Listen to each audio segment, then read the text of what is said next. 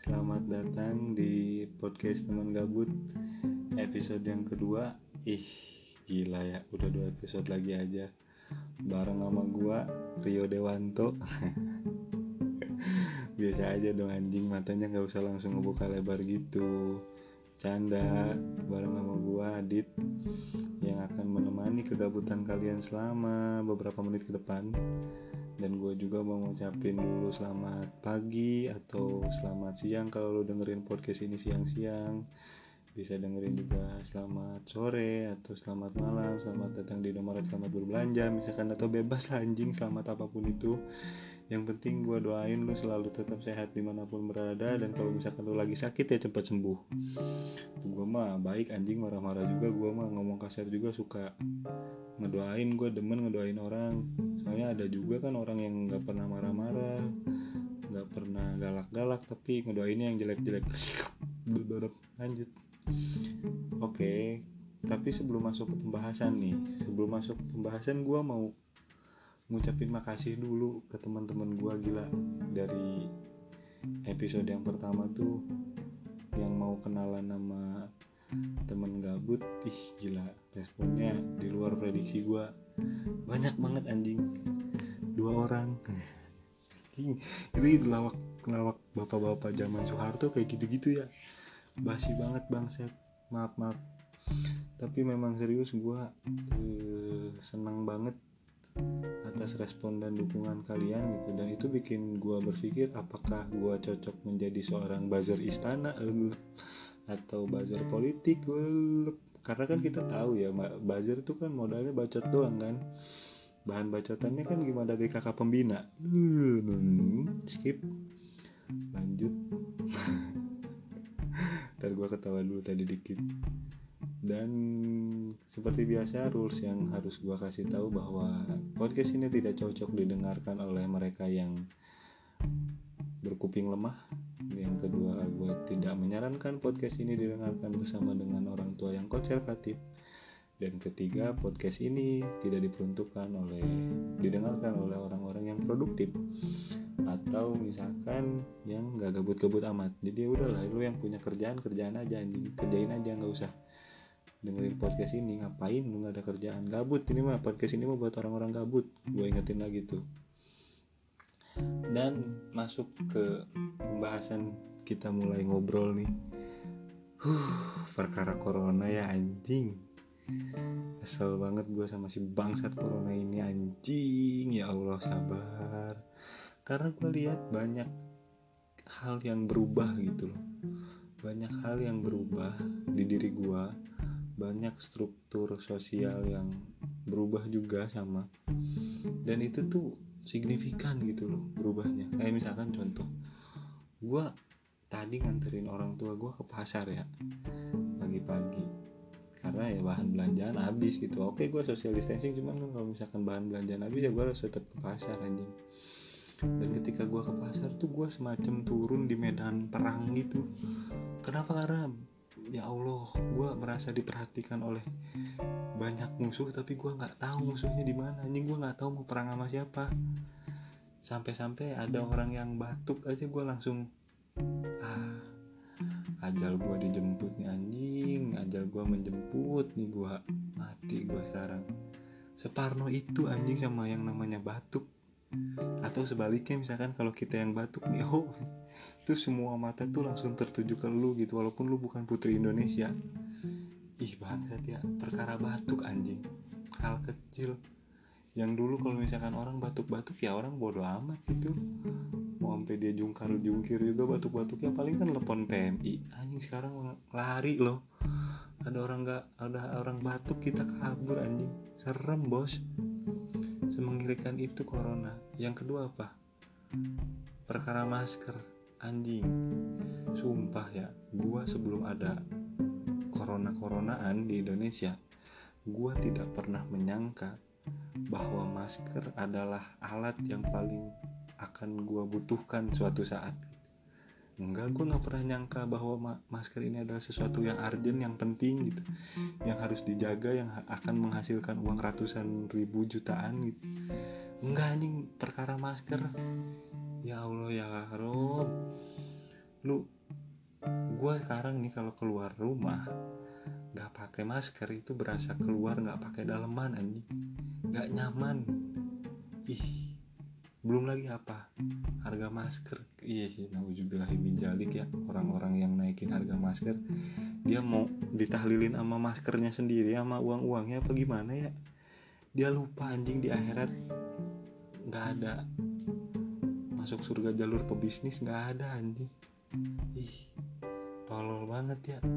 Sempet sempetnya anjing. Ya oke lah di ekonomi ya permintaan pasar naik harga otomatis naik. Cuman kan nggak gitu juga anjing masa gua lihat di twitter ada yang sampai jualan masker harganya 15 juta per 10 box? Ih sampai ada yang nge-reply itu gini daripada saya beli masker anda lebih baik saya beli motor lalu saya geleng leher anda. Emosi anjing orangnya ya Allah. Gue juga emosi goblok sampai 15 juta. Apa yang ada di otaknya? Anjing mau naik haji pakai masker dia. Ih gila. Belum lagi hand sanitizer juga sama tuh kayak masker sekarang. Banyak banyak eh, keparnoan keparnoan gua yang meningkat gitu loh. Dan gua nggak akan ngebahas di podcast ini nggak akan ngebahas sih corona ini datang dari mana ya? Mau dari pasar Wuhan Cina ke mau gara-gara kelelawar ke mau gara-gara perang nuklir antara Tiongkok dan Amerika. Eh perang nuklir gue ngomongin perang nuklir anjing. Mau gara-gara perang eh, mikrobiologis antara Tiongkok sama Amerika bodo amat anjing lu cari aja itu mah di sumber-sumber yang kredibel sumber-sumber yang bagus sumber-sumber yang terpercaya. Gue mah enggak gue mau cuma mau ngeluh doang anjing gue mau mau ngeluh bahwa gue capek anjing gara-gara corona. Bangsat ini kesel gue salah satu yang gue capekin tuh cuci tangan. Ih ya Allah. Bukan gue nggak mau cuci tangan cuman gue merasa lelah aja gitu. Dikit-dikit cuci tangan megang pintu cuci tangan gembok pagar cuci tangan iya orang gue malam nih kalau beres gembok pagar cekrek gue mau ngambil kerupuk harus cuci tangan. Ya Allah makan kerupuk doang. Capek banget gue cuci tangan. Mana cuci tangannya? Harus lama lagi 20 detik. Ya Allah. Yang biasanya gue kalau makan di luar sebelum datang corona tuh cuman cuci tangan pakai air teh doang. Nggak ada perkara apa-apa ini. Sekarang gue harus cuci tangan per 20 detik sekali gue muak banget lihat keran air sama sabun aja di mana mana ada keran air sama sabun. Gue semacam di apa ya kalau gue lagi keluar terus lihat keran sabun sama air tuh semacam gue dibisiki gitu oleh mereka. Ayo datanglah kepadaku cuci tanganmu hindarkan badanmu dari virus-virus yang akan membunuhmu gitu-gitu anjing pokoknya ya Allah gue capek banget harus cuci tangan terus. Tambah lagi dan kita semua tahu banyak kegiatan-kegiatan kita yang harus berhenti untuk sementara gitu loh. Banyak yang apa ya gue lihat di media sosial termasuk gue sih. Salah satunya anjing gue ngerasa memang boring banget di rumah ya. Bete banget di rumah nggak tahu mau ngapain lagi gitu ih gila. Kalau orang-orang yang punya hobi kayaknya asik kan. Dia bisa ngelukis gitu. Dia bisa main gitar. Cuman kalau yang hobinya bukan itu mau gimana nih rebahan lagi duduk tiduran lagi duduk makan modal makan modal gitu aja terus tiap hari. Tambahin apa? Main HP sumpah tangan gua yang kanan pergelangannya sampai cedera anjing sakit tuh pegel sumpah pergelangannya gara-gara kebanyakan pegang HP gue naujubillahi min jalik gue nggak pernah ada segabut ini gitu. Gue nggak pernah sekesal ini terhadap kondisi gitu. Dan gue nggak bisa melakukan apa-apa tuh nggak pernah. Corona emang datang merubah hidup gue aduh. Belum lagi apa ada yang orang pacaran nih gue baca-baca di Twitter di Instagram di snap WA pada bilang kalau misalkan coronanya udah beres aku mau meluk kamu 10 jam. Bodo amat anjing. Lu meluk apa iklan pape ngebersihin nyamuk sampai tahan 10 jam? Gak kira-kira ya. Gua ngerti gua ngerti lu yang biasanya bisa enak-enak di kosan sama pacar lu. Enak-enak tuh maksudnya apa sih anjing? Makan padang bego mikir udah ke mana aja makan padang maksud gua tuh. Terus lu bisa nongkrong sama teman-teman lo kan di cafe sekarang lu ketemuannya di apa? Di HP lewat layar nggak tuh tuh apa gua nama aplikasinya yang monitornya jadi banyak gitu. Orang-orang kan jadi rajin banget ya snapgram itu. Lu tapi pas nongkrong sebelum ada corona tuh lu banyak mainin HP anjing. Sekarang sekalinya nggak bisa nongkrong lu pengen nongkrong pengen nongkrong. Kesel banget dah gua makanya nikmatin kalau lagi nongkrong tuh. Ini lu nongkrong update snapgram udah aja. Mainin HP sisanya kumpul masing-masing goblok. Nggak ada tawa-tawanya. Tapi ya memang gue juga merindukan gitu saat-saat itu. Karena di satu sisi gue hari ini adalah seorang pengangguran gitu. Ditambah ada uh, corona jadi otomatis banyak lowongan kerja yang di hold. Dan ya Allah gue harus sampai berapa lama nganggur? Gue nggak ada corona juga udah social distancing kok sebenarnya. Gue udah gak keluar rumah. Gue keluar rumah tuh paling nongkrong doang ketemu temen open mic stand up gitu. Ini ditambah harus ada corona ya allah. Ya tega banget tuh kor sama gue kor. Ih belum lagi yang WFH WFH tuh ya. WFH WFH yang work from home. Apalah itu anjing namanya pokoknya gue kasihan banget itu. Mereka yang biasanya kerja di luar ketemu teman-teman kantornya sampai lempar-lemparan ingus gitu. Bercanda sama teman-temannya. Sekarang dia harus cuma kerja di rumah anjing. Ya Allah ya Rob. Belum lagi kalau misalkan dia diomelin sama ibunya kan. Sare wae. Nah, ini biasanya mahasiswa mahasiswa nih. Biasanya mahasiswa mahasiswa yang sare wae lain bantuan kolot bantuan indung naon kerek nyusah ke ngepel ke nyapu ke iya mah pagada ganti cicing we hayo di kamar ngomean HP. Nah, gitu. Mama gitu tuh anjing mah gue gitu bangsat. Gue ngedenger itu hampir dua hari sekali ya Allah. Makanya gue pengen kerja corona tepat hilang anjing bangsat lu. Gue pusing banget dah ada lu di sini. Banyak hal-hal yang ketahan gitu. Lu bayangin aja sekelas Liga Champion penghasilan bola paling gede dan liga-liga lainnya gitu. Di hold anjing gara-gara corona bangset gara-gara makhluk yang tidak terlihat ini. Urusan jadi rusak semua gini ya Allah. Tapi kadang ada juga yang manfaatin momen-momen di balik corona ini ya selain masker tadi hand sanitizer jadi pada mahal. Salah satunya adalah dengan kebijakan-kebijakan publik yang aduh gue mau ngomongin takut gue di penjara. Tapi gue mau bacain headline berita ini orang bukan buat menghujat juga bahwa katanya nanti mau diawasi lebih ketat gitu kalau ada yang menghina presiden atau pejabat terkait dengan virus corona itu iya itu memang yang bisa mengusir virus corona pak. Bener. Yang bisa mengusir virus corona adalah menangkap orang yang mengkritik e, pemerintah. Bener. Itu langkah strategis yang diambil pemerintah cerdas sekali. Gue bangga banget tinggal di Indonesia coy. Beneran nggak ada loh e, negara dengan se power Indonesia gitu sekuat Indonesia maksudnya waktu corona datang nih waktu corona datang naik daun gitu kan dia waktu rilis album pertama di Wuhan semua negara semua negara itu aware prepare segala macem. Prepare alat kesehatannya prepare alat medisnya, APD-nya, rumah sakitnya, terus mereka sudah bikin rancangan-rancangan regulasi mau ngapain gitu kan. Kalau misalkan terjadi sesuatu hal yang tidak diinginkan. Indonesia doang loh yang ada statement pejabatnya bahwa salah satu pejabatnya yang bilang kalau eh, corona nggak akan masuk ke Indonesia karena jalur birokrasinya sulit gitu. Keren kan negara gua? Gila loh. Slow aja bos. Nggak usah di pusing-pusing. Ya nggak pak? Bener kan gue udah dukung lu nih nggak usah ditangkep ya. Gue sepakat kok sama lu, lu. Pemerintah emang keren hari ini. Belum lagi apa? Napi koruptor ya. Bener tuh salah satu yang akan mengusir corona dari Indonesia adalah melepaskan napi-napi koruptor. Takut corona mama koruptor. Bener tuh gue mau dukung tuh Pak Yasona Lauli. Hih, gila. Siapa lagi? Pak Luhut ya. Ini mantap gue dukung juga Pak Luhut tuh keren tuh Pak Luhut kebijakan-kebijakannya tuh. Enggak dia mah nggak takut sama corona kok biasa aja. Orang kata dia juga nanti kalau musim panas hilang kok. Kalau panas juga nggak akan ada corona bisa mati virusnya. Jadi ya mau masukin TKA berapa ke Indonesia juga santai aja. Slow aja bos.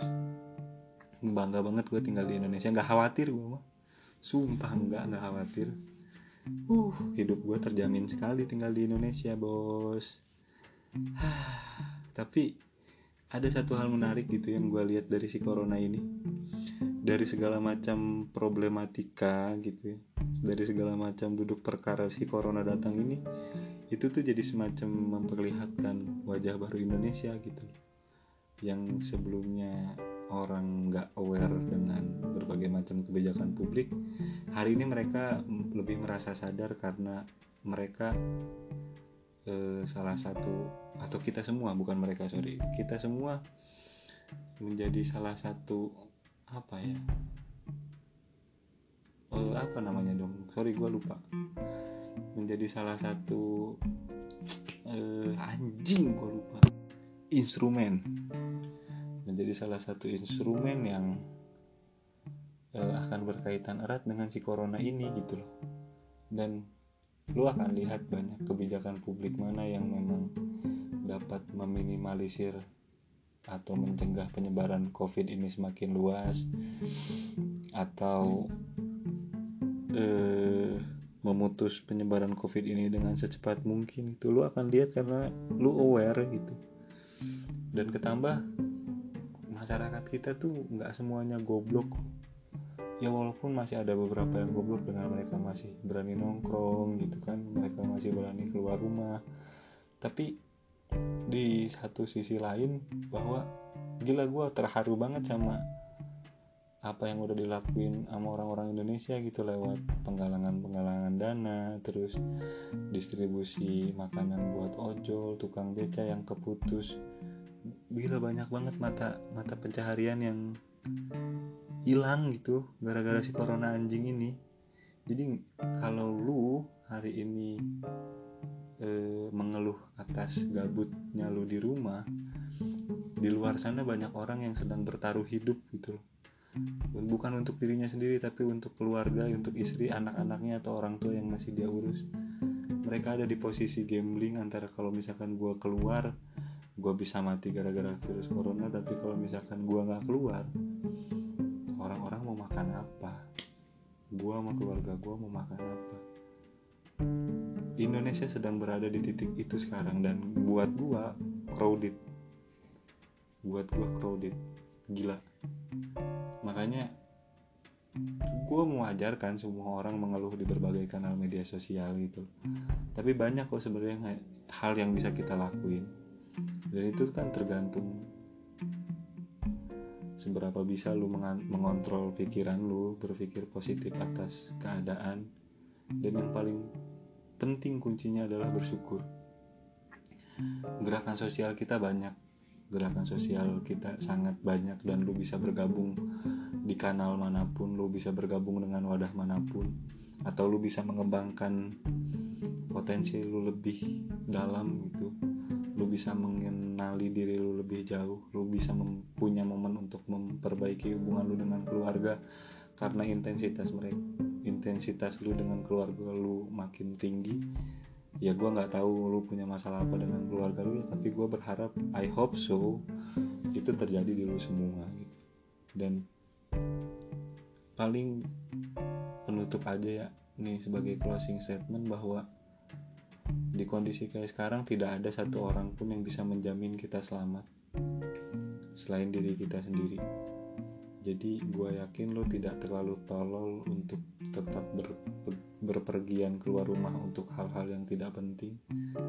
Dan gue yakin juga sekesal-kesalnya kita sama cuci tangan sekesal-kesalnya kita sama social distancing sama physical distancing gue yakin lu masih sayang banget sama diri lu dan gue rasa tidak ada alasan untuk lu meninggal konyol di pandemi COVID-19 ini. Karena lu harus tahu 18 dokter Indonesia telah meninggal lebih tinggi daripada Tiongkok. Eh, angka kematian dari tenaga medisnya. Dan gue harap lu bisa untuk lebih bersabar lagi. Tetap semangat. Lu kalau gabut gua bikinin podcast buat nemenin kegabutan lu. Orang-orang musisi di Indonesia bikin lagu segala macam buat bisa menenangkan hati kita walaupun presentasinya kecil memang presentasinya kecil. Cuman ini kita sedang ditekan oleh Tuhan dengan masalah yang sama. Lalu mau bagaimana kita keluar selain dengan cara berdoa. Karena mengandelin negara kan kita juga tahu mereka kayak gimana. Paling itu aja yang bisa gue sampaikan di episode kedua kali ini.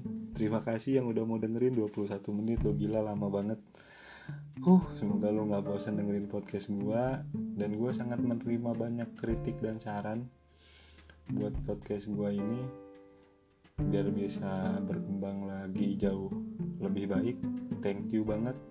Stay safe jaga kesehatan jaga pola makan jaga pola tidur dan istirahat.